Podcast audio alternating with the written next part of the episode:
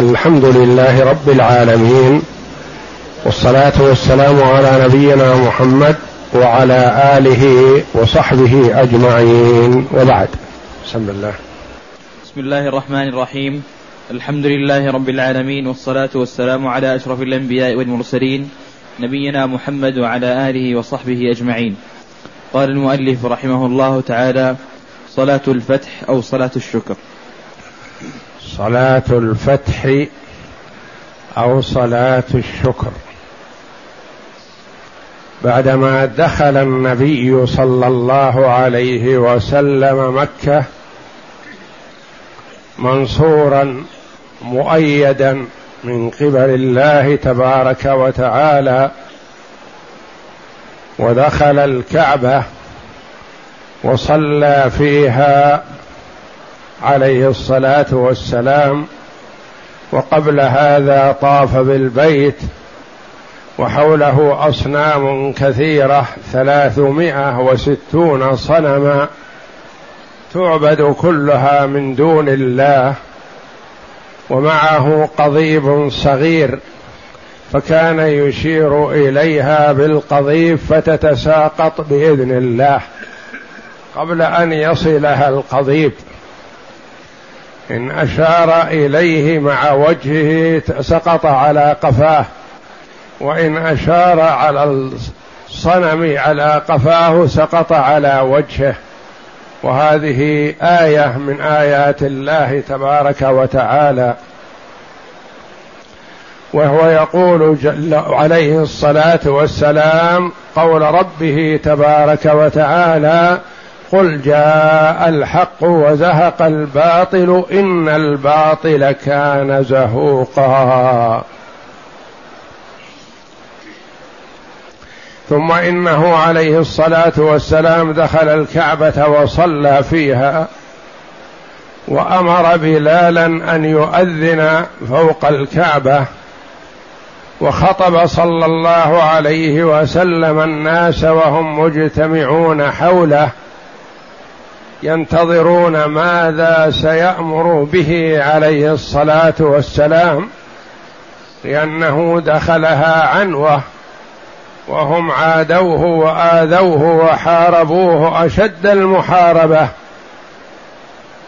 فقال لهم عليه الصلاة والسلام بعدما حمد الله وأثنى عليه قال ما تظنون أني فاعل بكم؟ قالوا أخ كريم وابن أخ كريم.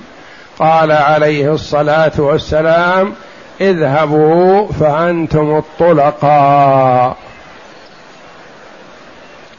فأطلقهم صلى الله عليه وسلم وعفى عنهم عليه الصلاة والسلام. ثم خطب في اليوم الثاني من أيام الفتح. وصلى في ذلك اليوم الضحى اليوم الأول ثمان ركعات. فبعض العلماء يقول هي صلاة الفتح وبعضهم يقول صلاة الشكر وهما سواء.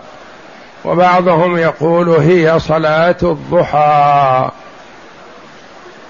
فصلى صلى الله عليه وسلم صلاة الشكر والفتح حيث فتح الله جل وعلا عليه مكة وكان خرج مستخفيا عليه الصلاة والسلام خوفا من كفار قريش فدخلها معززا منصورا معه عشرة آلاف من المسلمين من المهاجرين والأنصار وغيرهم كلهم للدفاع عنه وللائتمار بأمره عليه الصلاة والسلام. نعم.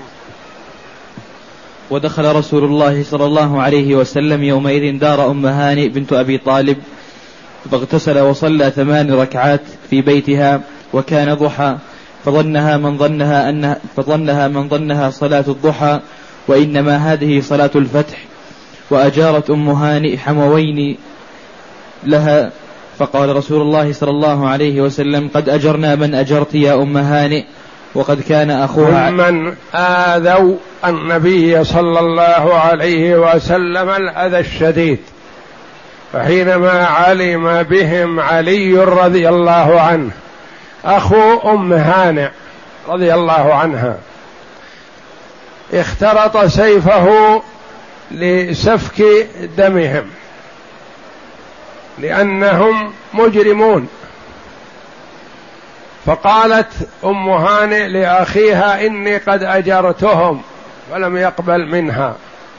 وتوعدهم فاغلقت عليهم الباب وذهبت للنبي صلى الله عليه وسلم وطلبت منه أن يقبل شفاعتها في إجارة هؤلاء. فقال عليه الصلاة والسلام قد أجرنا من أجرت يا ام هانئ هي ابنة عم النبي صلى الله عليه وسلم أخت علي. نعم. وقد كان أخوها علي بن أبي طالب رضي الله عنه أراد أن يقتلهما فأغلقت عليهما باب بيتها وسألت النبي صلى الله عليه وسلم فقال لها ذلك. وأهدر رسول الله صلى الله عليه وسلم يومئذ دماء تسعة نفر من أكابر المجرمين وأمر بقتلهم. مجموعة من الكفار كانوا شديد الأذى للنبي صلى الله عليه وسلم.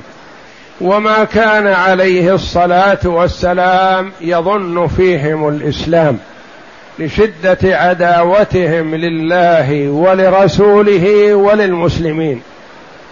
ولسابقتهم السيئة. فأهدر صلى الله عليه وسلم دماءهم فقال من لقي هؤلاء وسماهم عليه الصلاة والسلام من لقي أحدا من هؤلاء فليقتله وإن كان تحت أستار الكعبة عليه الصلاة والسلام. وفي هذا دلالة على أنه عليه الصلاة والسلام لا يعلم الغيب. منهم من أهدر النبي صلى الله عليه وسلم دمه فأسلم وكان من جند الإسلام الأقوياء ومن قادة الفتح الإسلامي ويترضى عنهم رضي الله عنهم وأرضاهم. دلالة على أنه عليه الصلاة والسلام لا يعلم من الغيب إلا ما أطلعه الله جل وعلا. فبقي من هؤلاء أناس أصبحوا قادة وزعماء كما هم زعماء في الجاهلية زعماء في الإسلام والفتح الإسلامي. ومن هؤلاء من قتل على كفره وضلاله والعياذ بالله. وأهدر. رسول الله صلى الله عليه وسلم يومئذ دماء تسعة نفر من أكابر المجرمين وأمر بقتلهم وإن وجدوا تحت أستار الكعبة. وهم عبد العزى بن خطل وعبد الله بن أبي سرح وعكرمة بن أبي جهل والحارث بن نفير بن عكرمة ابن أبي جهل يعني أبوه أبو جهل. وأسلم رضي الله عنه وأصبح من قادة الإسلام. والحارث بن نفيل بن وهب ومقيس بن صبابة وهبار بن الأسود وقينتان كانتا لابن خطل كانتا تغنيان بهجو النبي صلى الله عليه وسلم وسارة مولاة لبعض بني عبد المطلب وهي التي وجد معها كتاب حاطب. الكثير منهم أسلم كما سيأتي بيان ذلك. نعم. فأما ابن أبي سرح فجاء به عثمان إلى النبي صلى الله عليه وسلم عبد الله بن أبي سرح كان بينه وبين عثمان رضي الله عنه رضاعة وجاء به عثمان رضي الله عنه للنبي صلى الله عليه وسلم يشفع فيه ليعفو عنه. فسكت النبي صلى الله عليه وسلم ولم يسارع في الجواب. يقول رجاء أن يقوم إليه أحد من الصحابة فيقتله لأن الرسول عليه الصلاة والسلام أذن بقتله من قبل.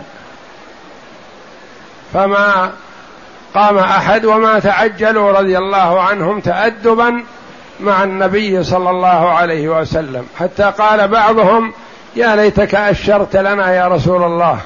قال ما كان النبي يقتل بالإشارة. عليه الصلاة والسلام. فأمنه النبي صلى الله عليه وسلم.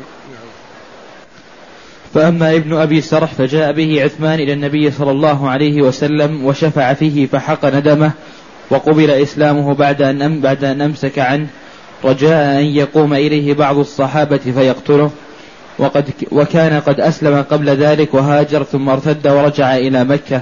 هذا السبب في كون النبي صلى الله عليه وسلم أهدر دمه لأنه كان قد أسلم وهاجر إلى المدينة ثم ارتد عن الإسلام ورجع إلى مكة. فأمر النبي صلى الله عليه وسلم من وجده أن يقتله. ولكن الله جل وعلا أراد له الخير فشفع فيه عثمان رضي الله عنه وأرضاه وأسلم وولاه عمر رضي الله عنه بعد هذا ولاية وأقره عثمان رضي الله عنه على ولايته التي ولاه عمر. وأما عكرمة بن أبي جهل ففر إلى اليمن فاستأمنت له امرأته فأمنه النبي صلى الله عليه وسلم فتبعته فرجع معها وأسلم وحسن إسلامه. أما عكرمة فهو رضي الله عنه عرف ما قدم هو وأبوه من أذى للنبي صلى الله عليه وسلم وأذى للمسلمين. فلما رأى أن النبي صلى الله عليه وسلم دخل مكة وقد تجمع هو وشلة من سفهاء مكة صبيحة يوم الفتح لمحاربة النبي صلى الله عليه وسلم لكنهم عرفوا أنهم لا قبل لهم بالجيش الإسلامي. فعند ذلك فر إلى جدة ومن جدة ركب البحر. يريد الذهاب إلى اليمن ما يريد أن يجتمع مع النبي صلى الله عليه وسلم في مكة. فيقال والله أعلم أنه بعدما ركب البحر ركب سفينة سلط الله جل وعلا عليها الريح والأمواج وكانت تتقلب بهم. فقال قائد السفينة وحدوا الله ما ينجيكم إلا التوحيد. فقال أخزاك الله وهل هربت من مكة ومن أهلي إلا فرارا من التوحيد؟ ردني إلى الساحل. فرده إلى الساحل فإذا امرأته ابنة عمه التي أسلمت قبله رضي الله عنها قد جاءت إلى تبحث عنه فإذا فلم وجدته في الساحل. فقالت ابن عمك وأفضل الناس وأكرم الناس وأطيب الناس تفر عنه. وأخبرته بأنها أخذت له الأمان من النبي صلى الله عليه وسلم. وقد علم أن النبي صلى الله عليه وسلم أهدر دمه لأنه يعرف سابقته. فلما استوثق وعلم صدق زوجته رجع معها إلى مكة وبايع النبي صلى الله عليه وسلم وأسلم وحسن إسلامه وأصبح من قادة الفتح الإسلامي بعد هذا رضي الله عنه. ولما أقبل على النبي صلى الله عليه وسلم قادما من جدة قال النبي صلى الله عليه وسلم لا تسبوا الأموات فإنه يؤذي الأحياء. يعني لا تتعرضوا لأبي جهل بسب أبو جهل فرعون هذه الأمة لكنه مضى وانتهى والتعرض له يؤذي أولاده وأهله فدعوه. نعم. وأما ابن خطل فكان متعلقا بأستار الكعبة فجاء رجل إلى النبي صلى الله عليه وسلم وأخبره فقال اقتله فقال فقال. اقتله فقتله. هذا ابن خطل. قتل وهو متعلق بأستار الكعبة حيث أن النبي صلى الله عليه وسلم أهدر دمه وجاء أحد الصحابة يستأذن النبي صلى الله عليه وسلم فيه فأذن له في قتله. نعم. وأما مقيس بن صبابة فقتله نميرة بن عبد الله وكان مقيس قد أسلم قبل ذلك ثم عدا على رجل من الأنصار فقتله ثم ارتد ولحق بالمشركين. هذا كان ممن أسلم وهاجر إلى المدينة ثم ارتد وقتل أحد الأنصار وهرب إلى مكة فأمر النبي صلى الله عليه وسلم بقتله فقتل في مكة. نعم. وأما الحارث فكان شديد الأذى لرسول الله صلى الله عليه وسلم بمكة فقتله علي رضي الله عنه. وجده علي رضي الله عنه وقد أهدر النبي صلى الله عليه وسلم دمه فقتله. نعم. وأما هبار بن الأسود هبار هبار بن الأسود. هبار بن الأسود فهو الذي كان قد عرض لزينب بنت رسول الله صلى الله عليه وسلم حين هاجرت فنخس بها حتى سقطت على صخرة وأسقطت جنينها ففر هبار يوم مكة ثم أسلم وحسن إسلامه. هذا هبار بن الأسود شرير كان في الجاهلية وكان لما أن زينب رضي الله عنها ركبت بعيرا مهاجرة إلى المدينة للنبي صلى الله عليه وسلم حيث كان زوجها أسير من أسرى بدر. فاستشار النبي صلى الله عليه وسلم الصحابة لما بعثت زينب رضي الله عنها بفداء زوجها. ومن ضمن الفداء قلادة كانت أعطتها إياها أمها خديجة رضي الله عنها لما زفتها متزوجة لزوجها. فرآها النبي صلى الله عليه وسلم فعرفها عرف القلادة فهش لها صلى الله عليه وسلم. وقال إن رأيتم أن تطلقوا لها أسيرها يعني تردوا عليها الفداء. فأذن الصحابة رضي الله عنهم بذلك فأطلقه النبي صلى الله عليه وسلم بدون فداء وطلب منه أن يرسل له زينب. لأن زينب مسلمة مؤمنة وهو لا يزال كافر.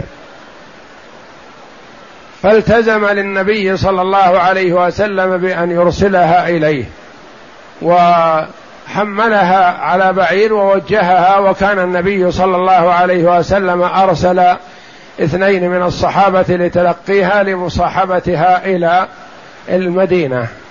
فهذا لما رأى زينب على هذا البعير نخسه فشارد ركض فيها فسقطت رضي الله عنها.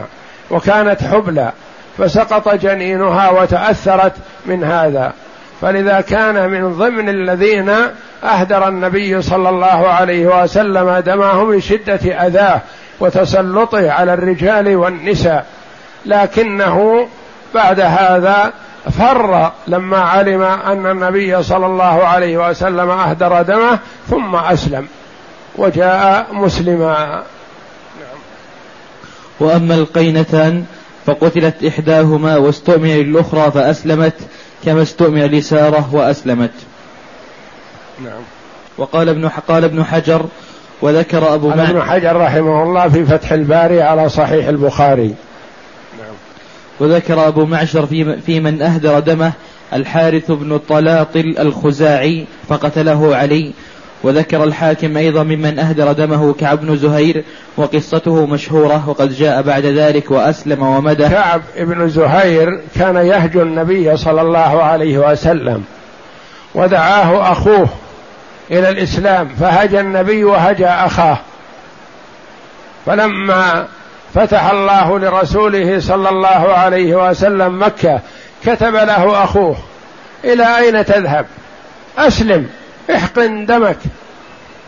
فجاء إلى النبي صلى الله عليه وسلم وطلب من يشفع له فقبل النبي صلى الله عليه وسلم شفاعة الشافعين له وعفى عنه وألقى بين يدي النبي صلى الله عليه وسلم قصيدته المشهورة بانت سعادي فق... بانت سعاد فقلبي اليوم متبول متيم إثرها مكبول أو كذا نعم.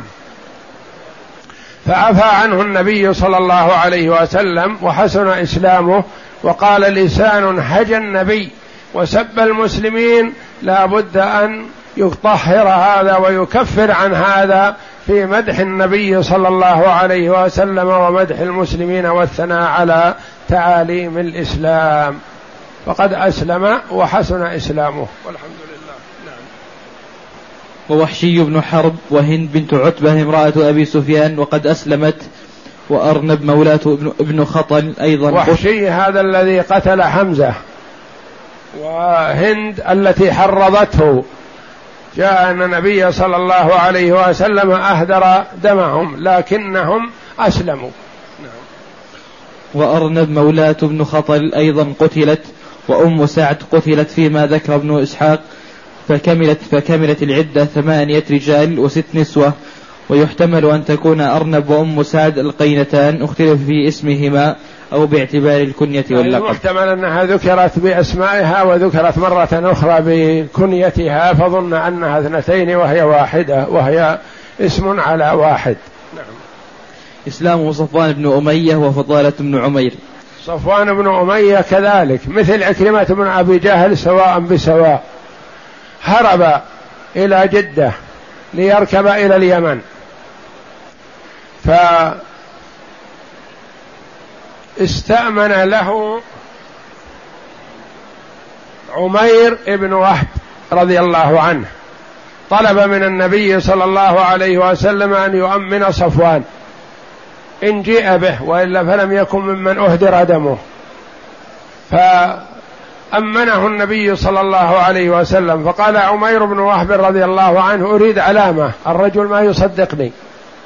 فأعطاه النبي صلى الله عليه وسلم عمامته التي دخل بها مكة. علامة على صدق عمير بن وهب. فذهب فوجده في جدة صفوان بن أمية من صناديد قريش وهو ابن لأمية بن خلف الذي قتله النبي صلى الله عليه وسلم بيده. وظن أنه إن ظفر به النبي صلى الله عليه وسلم أنه سيقتله فهرب. فجاءه عمير بن وهب فقال ابن عمك أطيب الناس وأكرم الناس وأجود الناس عزه عز لك وملكه ملك لك ونصره نصر لك لم تذهب؟ قال أخاف أن يقتلني. قال هو أمنك. قال أخشى أنك كاذب. ما تصدق. إذا وجدني قتلني. فأظهر له العلامة. قال هذه العلامة معي أعطاني إياها رسول الله صلى الله عليه وسلم. فجاء. ثم قدم صفوان على النبي صلى الله عليه وسلم وحينما وصل قال يزعم هذا أنك أمنتني. قال نعم عليه الصلاة والسلام. أمنتك. أما آن لك أن تشهد أن لا إله إلا الله؟ قال أمهلني شهرين. فقال النبي صلى الله عليه وسلم لك أربعة أشهر. فأسلم رضي الله عنه فيما بعد وأصبح من القادة. من قادة الفتح الإسلامي صفوان بن أمية مشهور. نعم. لم يكن صفوان ممن أهدر دمه ممن أهدر دمه لكنه بصفته زعيما كبيرا من زعماء قريش خاف على نفسه وفر فاستأمن له عمير بن وهب الجمحي رسول الله صلى الله عليه وسلم فأمنه وأعطاه عمامته التي دخل بها مكة فلحقه عمير وهو يريد أن يركب البحر من جدة إلى اليمن فرده فقال لرسول الله صلى الله عليه وسلم اجعلني بالخيار شهرين قال أنت بالخيار أربعة أشهر.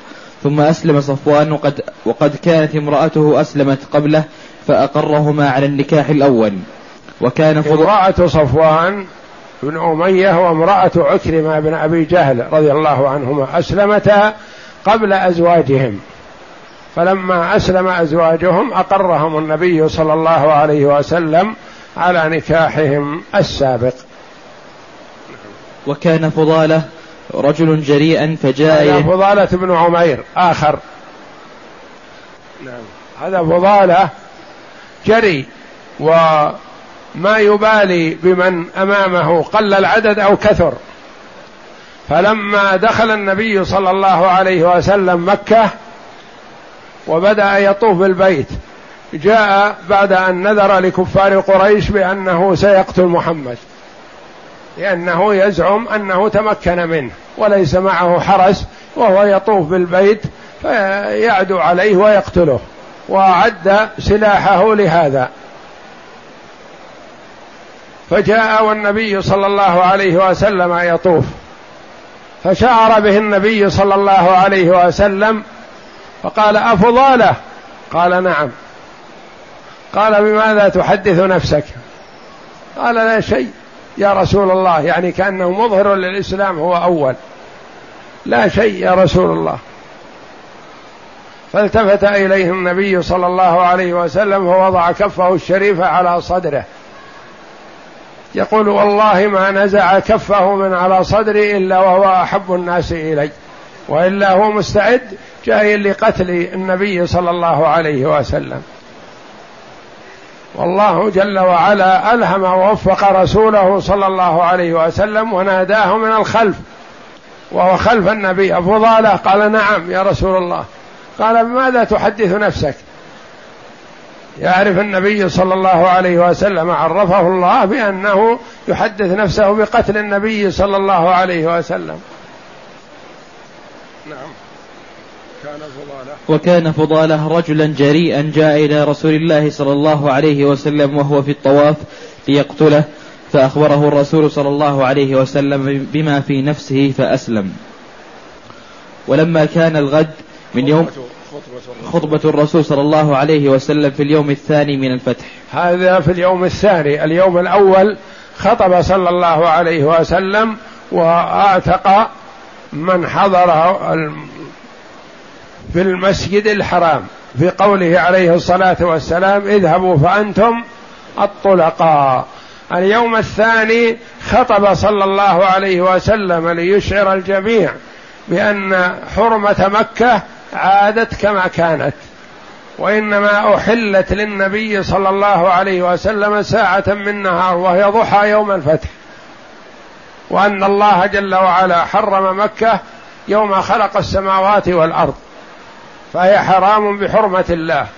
حتى الوحش حتى الشوك لا يعضد واللقطة لا تلتقط والحشيش لا يؤخذ.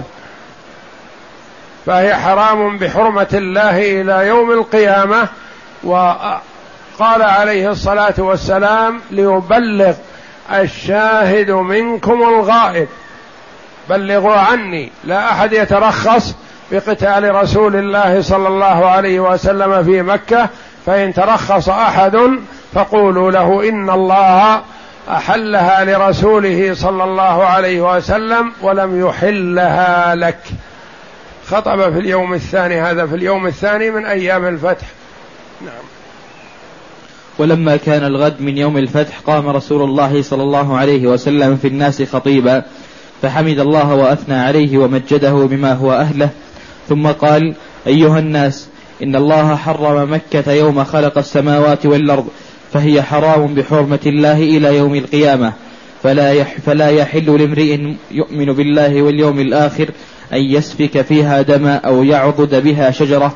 فإن أحد ترخص لقتال رسول الله صلى الله عليه وسلم فقولوا إن الله أذن لرسوله ولم يأذن لك وإنما حلت لي ساعة وإنما حلت لي ساعة من نهار.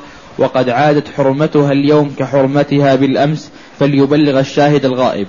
وفي رواية لا يعرض شوكه ولا ينفر صيده ولا تلتقط ساقطته إلا من عرفها ولا يختلى خلاه فقال العباس يا رسول الله إلا الإذخر فإنه لقينهم وبيوت لقينهم لقينهم وبيوتهم. فإنه لقينهم وبيوتهم فقال إلا الإذخر إلا الإذخر لما قال عليه الصلاة والسلام لا ولا يختلى خلاها يعني حشيشها وشجرها ما يؤخذ. قال العباس رضي الله عنه والنبي صلى الله عليه وسلم يخطب إلا الإذخر يا رسول الله. يعني الناس في حاجة ما السائل الإذخر لا تحرمنا منه. فقال عليه الصلاة والسلام إلا الإذخر. يقول لقينهم يعني يحتاجه الخدام والعمال وقود. ويشعلون به النار ونحو ذا وما يحتاجون إليه. ولبيوتهم يكون فوق الخشب وفوق الجريد يوضع ليمنع تساقط الطين والتراب. فيسقف به البيوت وتسقف به القبور كذلك. يوضع على اللبنات في القبر يقي تساقط الطين على الميت. فاستثناه صلى الله عليه وسلم وهو في خطبته. نعم. وكانت خزاعة قتلت يومئذ رجلا من بني ليث بقتل يعني يعني في اليوم الثاني خزاعة قتلت بعد تحريم القتل فوداه النبي صلى الله عليه وسلم. نعم. وكانت وكانت خزاعة قتلت يومئذ رجلا من بني ليث بقتيل لهم في الجاهلية. فقال رسول الله صلى الله عليه وسلم بهذا الصدد يا معشر خزاعة ارفعوا أيديكم عن القتل فلقد كثر القتل. إن نفع لقد قتلتم قتيلا لأدينه. لأدينه يعني لأدفعن ديته نعم. فمن قتل بعد مقام هذا فأهله بخير النظرين.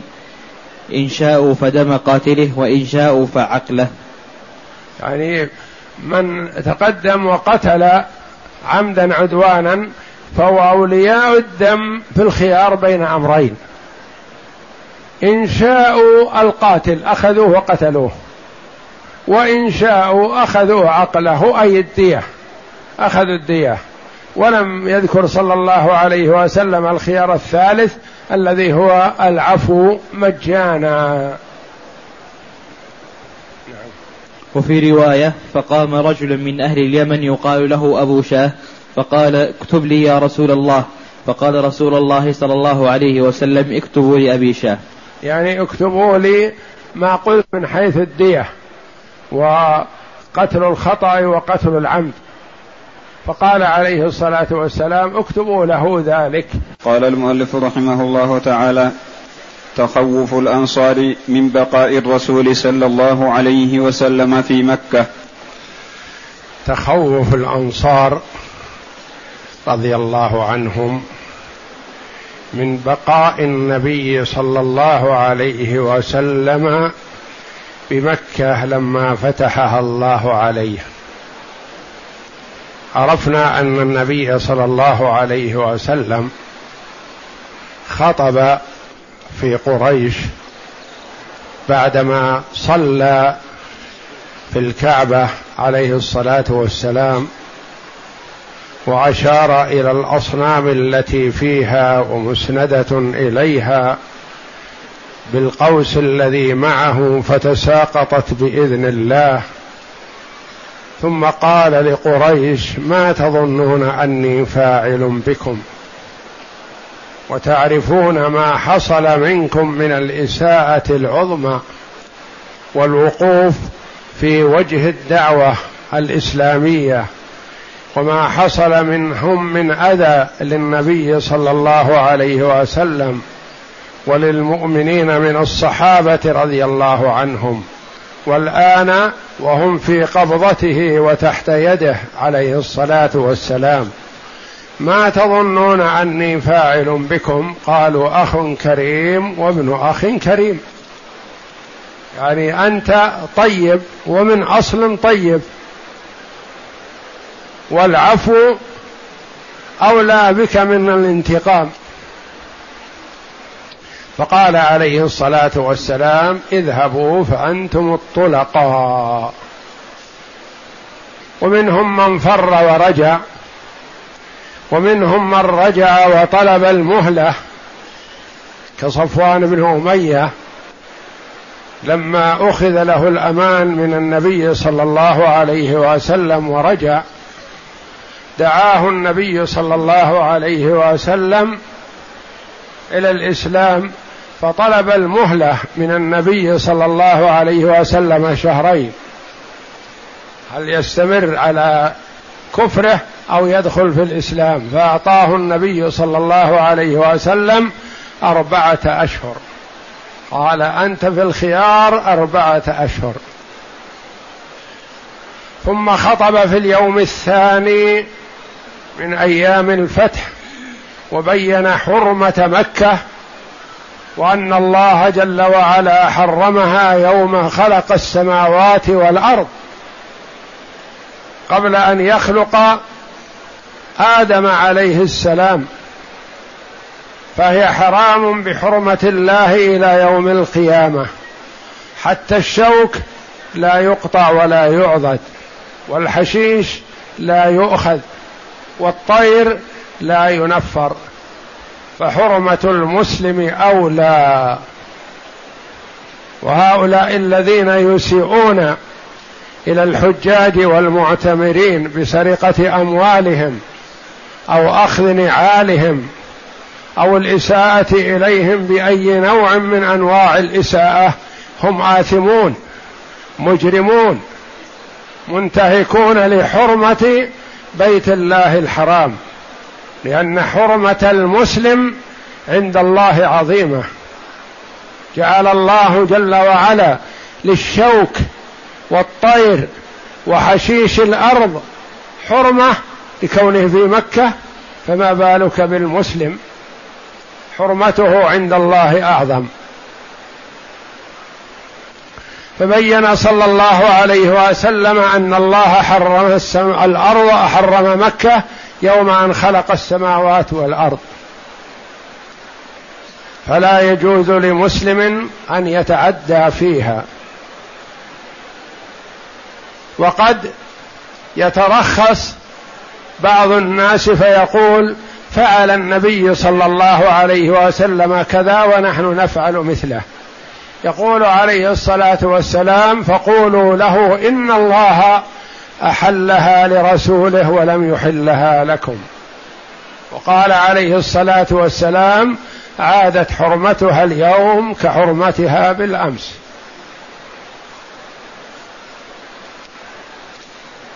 ودعا صلى الله عليه وسلم يلح على ربه جل وعلا بالدعاء والتضرع ويحمد الله ويشكره على ما من عليه من الفتح المبارك وبفتح مكة دخل الناس في دين الله أفواجا. لأن الناس كانوا ينتظرون يقول ماذا يكون هو وقريش؟ إن دخلت قريش دخلنا فيما دخلوا فيه وإن حاربوا فنحن معهم. فلما جاء الله جل وعلا بالفتح حينئذ سارع الناس إلى الدخول في دين الله وكان عليه الصلاة والسلام يرسل دعاة. ولا يرسل مقاتلين إلا من قاتل. فيرسلهم للدعوة إلى الله جل وعلا. فاستجاب الكثير كما قال الله جل وعلا إذا جاء نصر الله والفتح ورأيت الناس يدخلون في دين الله أفواجا. فسبح بحمد ربك واستغفره انتهت مهمتك. أديت ما عليك. ما بقي عليك إلا أن تلحق بربك. فعمره صلى الله عليه وسلم عمر مبارك وثمين. لما أدى الرسالة على أكمل وجه أخذه الله جل وعلا إليه. وأخذه وهو عليه الصلاة والسلام في قوته ونشاطه وتفكيره ودعوته وعلمه وإدراكه عليه الصلاة والسلام. عندما تم الفتح الأنصار رضي الله عنهم أهل المدينة استبشروا بالفتح وفرحوا به وهم جاءوا لقتال من صد رسول الله صلى الله عليه وسلم عن مكة.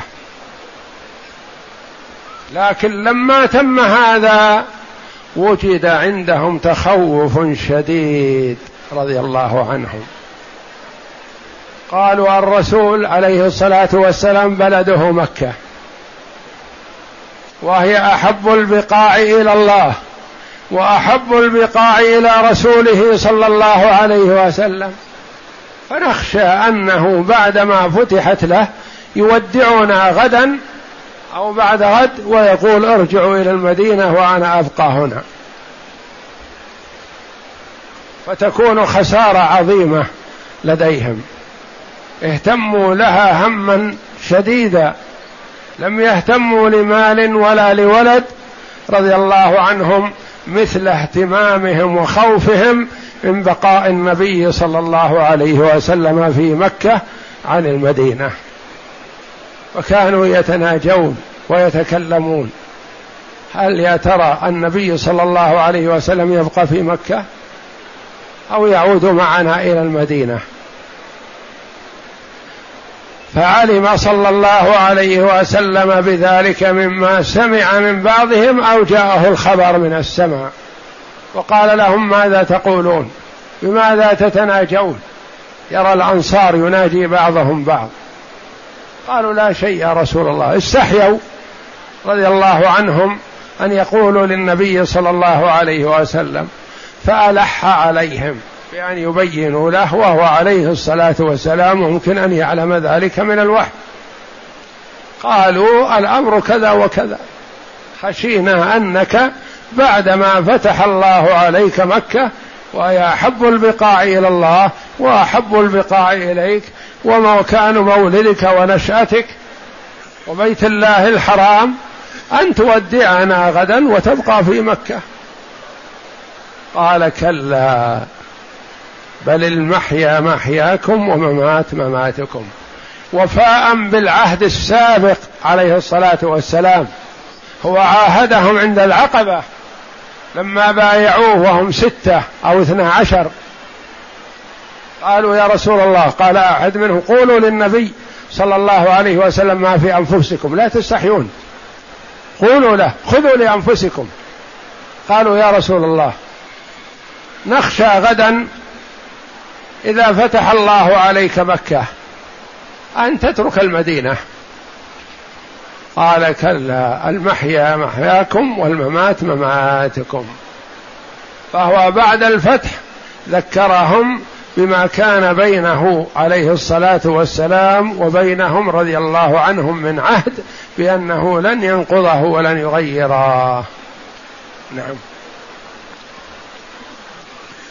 قال ولما تم فتح مكة على الرسول صلى الله عليه وسلم وهي بلده ووطنه ومولده صلى الله عليه وسلم قال الأنصار رضي الله عنهم فيما بينهم أترون رسول الله صلى الله عليه وسلم إذا فتح الله عليه أرضه وبلده أن يقيم بها وهو يدعو على الصفا رافعا يديه. فلما فرغ من دعائه قال ماذا قلتم؟ قالوا لا شيء يا رسول الله. فلم يزل بهم حتى أخبروه. فقال رسول الله صلى الله عليه وسلم معاذ الله. المحيا محياكم والممات مماتكم. يعني معكم دائما وابدا حتى الممات. وهو عليه الصلاة والسلام من حبه للأنصار قال لولا الهجرة لكنت امرأ من الأنصار. دخلت فيكم لكن لا أفرط بثواب الهجرة من مكة إلى المدينة لأنه هو رأس المهاجرين عليه الصلاة والسلام. نعم. أخذ البيعة. وحين فتح الله مكة على الرسول صلى الله عليه وسلم والمسلمين تبين لأهل مكة الحق. عرفوا أن ما كان يدعو إليه صلى الله عليه وسلم هو الحق وأنه مؤيد من الله تبارك وتعالى وأنه لا بد من البيعة فإذا لم تتم البيعة فسيقضي عليهم النبي صلى الله عليه وسلم ويقتلهم لن يتركهم مشركين في مكة. فرأوا أنه لا بد أن يبايعوا رسول الله صلى الله عليه وسلم بعدما من عليهم بالعتق والإطلاق. وحين فتح الله مكة على رسول الله صلى الله عليه وسلم والمسلمين تبين لأهل مكة الحق وعلموا ألا سبيل إلى النجاح إلا الإسلام فأذعنوا له واجتمعوا للبيعة فجلس رسول الله صلى الله عليه وسلم على الصفا يبايع الناس وعمر بن الخطاب رضي الله عنه أسفل منه أسفل منه يأخذ على الناس فبايعوه على السمع والطاعة فيما استطاعوا. بايعوه على السمع والطاعة أن يسمعوا ويطيعوا لرسول الله صلى الله عليه وسلم فيما يأمرهم به وينهاهم عنه. وعمر رضي الله عنه واقف حول النبي صلى الله عليه وسلم يخشى عليه من بعض هؤلاء لأن فيهم من لم يتمكن الإسلام من قلبه وفيهم من عنده حقد وعداوة للنبي صلى الله عليه وسلم ومنهم من قتل النبي صلى الله عليه وسلم أباه أو قتل ولده أو قتل أخاه في موقعة بدر. فخشي رضي الله عنه على النبي صلى الله عليه وسلم فوقف معه. نعم. وفي المدارك روي أن النبي صلى الله عليه وسلم لما فرغ من بيعة الرجال أخذ في بيعة النساء وهو على الصفا وعمر رضي الله عنه قاعد أسفل منه يبايعهن بأمره ويبلغهن عنه. فجاءت هند بنت عتبة كان عليه الصلاة والسلام مبايعته للرجال مصافحة. أما مبايعته للنساء فكانت كلاما. ما تقول عائشة رضي الله عنها ما مست يد رسول الله صلى الله عليه وسلم يد امرأة لا تحل له. إنما كان يبايعهن كلاما. وما أحب عليه الصلاة والسلام أن يقربن منه فجعل بينه وبينهن عمر. الرسول عليه الصلاة والسلام يقول قل لهن ابايع نبايع على كذا وكذا فيبلغهن عمر. يكون عمر بين النبي صلى الله عليه وسلم وبين النساء. نعم. نعم. فجاءت هند بنت عتبة امرأة أبي سفيان متنكرة خوفا من رسول هند الله. رضي الله عنها كان لها سابقة سيئة لأنها نذرت قتل حمزة. تريد أن تضر النبي صلى الله عليه وسلم في أقرب قريب إليه. وكما قال وحشي قالوا لي يعني قال له كفار قريش إن قتلت محمد فلك كذا وكذا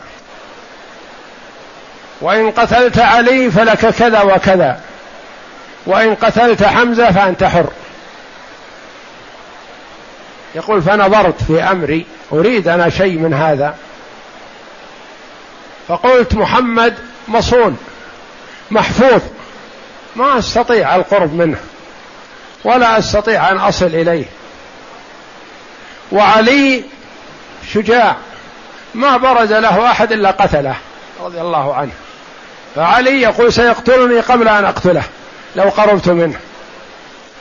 فاستغفلت حمزة وكان مشغول بغيري. يطارد كفار قريش رضي الله عنه فأتاه من الخلف. فرماه بسهم فأصابه. وممن حرضه حرض وحشي على قتل حمزة رضي الله عن حمزة هند بنت عتبة لأنه قتل في بدر ابنها وأبوها. وقتل لها أناس كثير. فخشي فحرضت وحشي على قتل النبي صلى الله عليه وسلم أو من استطاع من علي أو حمزة لأنهم أقرب الناس إليه في ذلك الوقت. عمه وابن عمه رضي الله عنهم. نعم. لكنها لما مضطرة أن تأتي للبيعة. وتخشى أن يردها النبي صلى الله عليه وسلم ولا يبايعها. وتخشى أن يأمر النبي صلى الله عليه وسلم بقتلها. جزاء ما حرضت على قتل حمزة. ولا تدري ماذا يفاجئها لكن ما صبرت. تكلمت فبينت نفسها. وإلا كانت مستخفية. جاءت تريد البيعه مع النساء فإذا بايعت سلمت. إذا أخذت البيعة وبايعت عرفت أنها آمنت حينئذ. لكن في أثناء البيعة رضي الله عنها ما صبرت لأنها شجاعة وامرأة فذه فنبأت عن نفسها وخبرت عن نفسها في أثناء البيعة وطلبت من النبي صلى الله عليه وسلم العفو والمسامحة عما سبق منها فعفى عنها عليه الصلاة والسلام. نعم. فجاءت هند بنت عتبة امرأة أبي سفيان متنكرة خوفا من رسول الله صلى الله عليه وسلم أن يعرفها لما صنعت بحمزة رضي الله عنه فقال فقال رسول الله صلى الله عليه وسلم أبايعكن على ألا تشركن بالله شيئا. فبايع عمر رضي الله عنه النساء على ألا يشركن بالله شيئا. يعني يأخذ عليهن البيعة هكذا. أن كل واحدة تقول نبايع على ألا نشرك بالله شيئا. فقلنا كذا ومن ضمنهن هند. قالت هذا القول. نعم. فقال رسول الله صلى الله عليه وسلم ولا تسرقن فقال ولا تسرقن هذه بنود البيعة. أن لا تشركن بالله شيئا ولا تسرقن هي تريد أن تحتاط لنفسها. كيف تبايع أن لا تسرق وهي تسرق من أبي سفيان؟ ما يصلح. لأن كان عندهم في العرب ما يقول قول ويخالفه يهتم بما يقول. خلاف وقتنا الحاضر الآن. يشهد أن لا إله إلا الله وأن محمد رسول الله ويشرك. يصلي ويشرك. كفار قريش لما قال لهم النبي صلى الله عليه وسلم كلمة واحدة تدين لكم بها العرب وتملكون بها العجم. واحدة كلمة. قالوا لك وعشر أمثالها. قال قولوا لا إله إلا الله فقط. عرفوا معنى لا إله إلا الله. لا معبود بحق سوى الله. وما يصلح أن يقول المرء لا إله إلا الله ثم يعبد اللات أو العزى أو يعبد صنم أو يقع في أمر من المخالفة لا.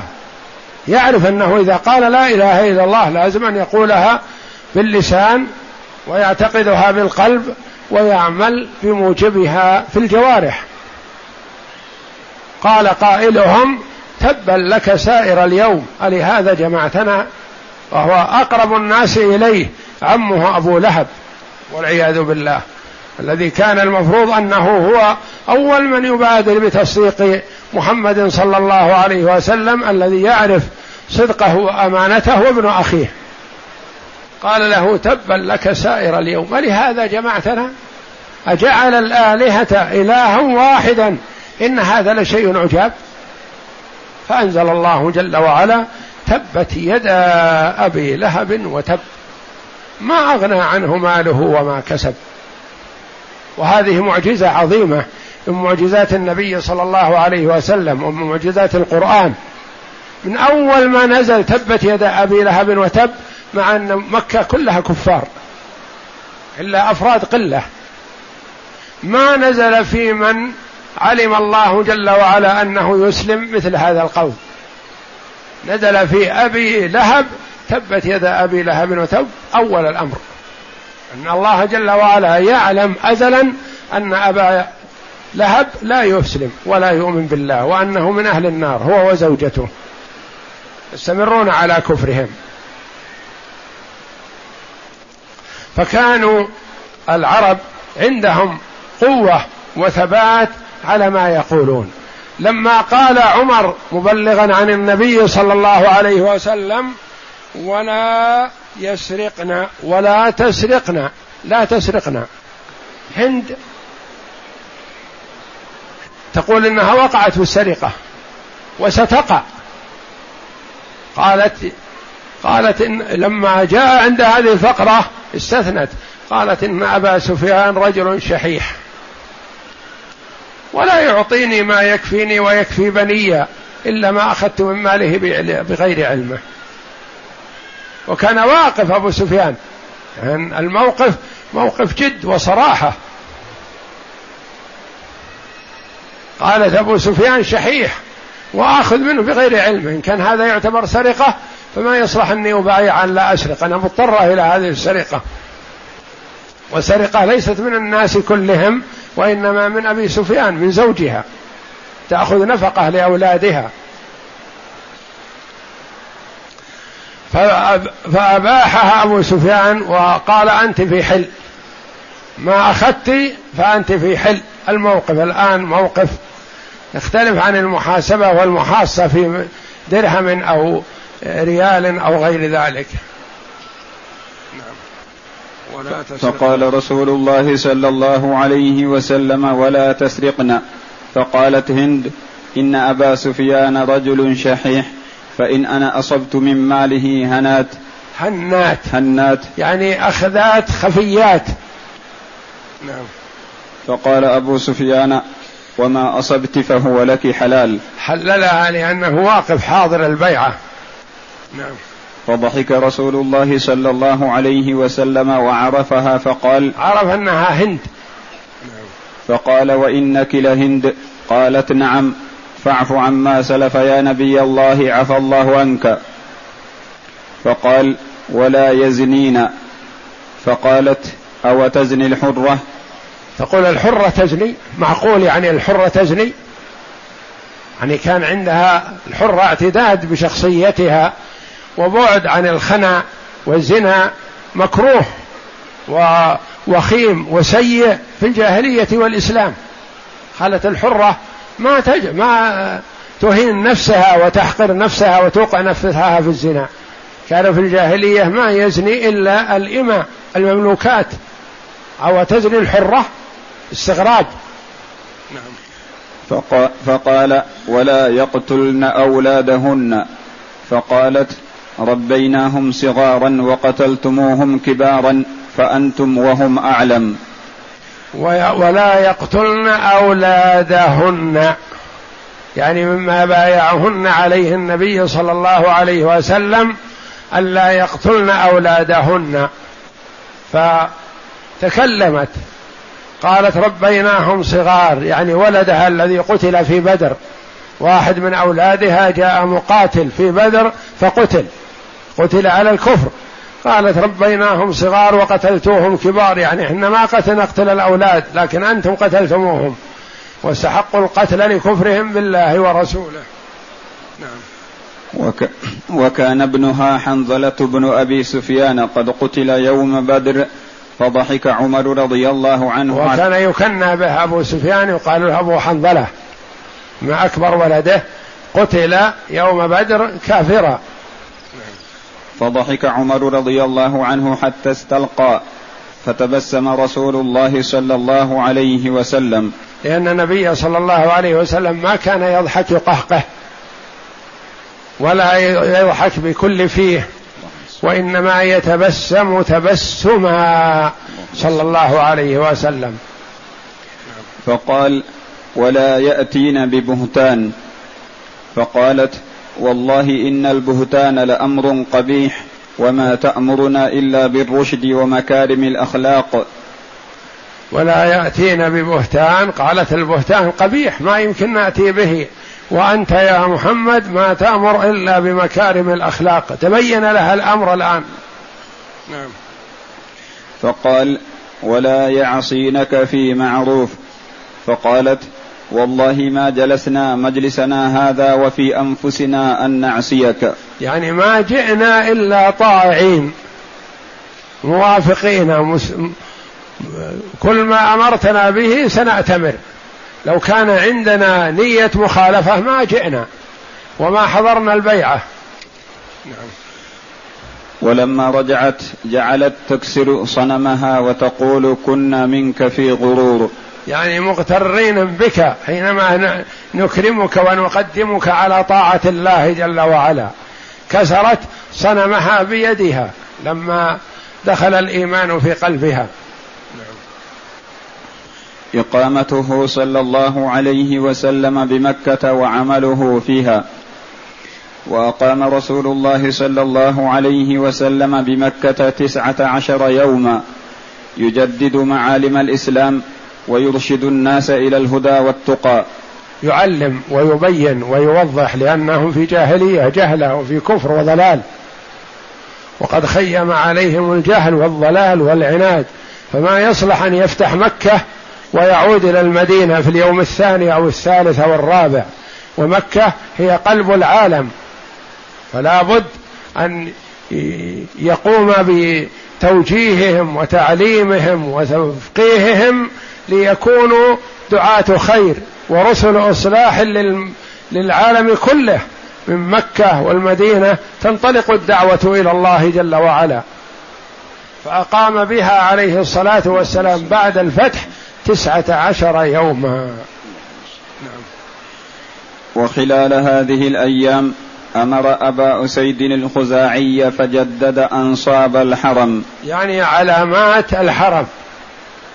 الفرق بين الحرم والحل لأنه كان عندهم يتوارثون هذا ويعرفونها من زمن إبراهيم عليه السلام إلى محمد صلى الله عليه وسلم وهم بين حين وآخر تجدد علامات الحرم.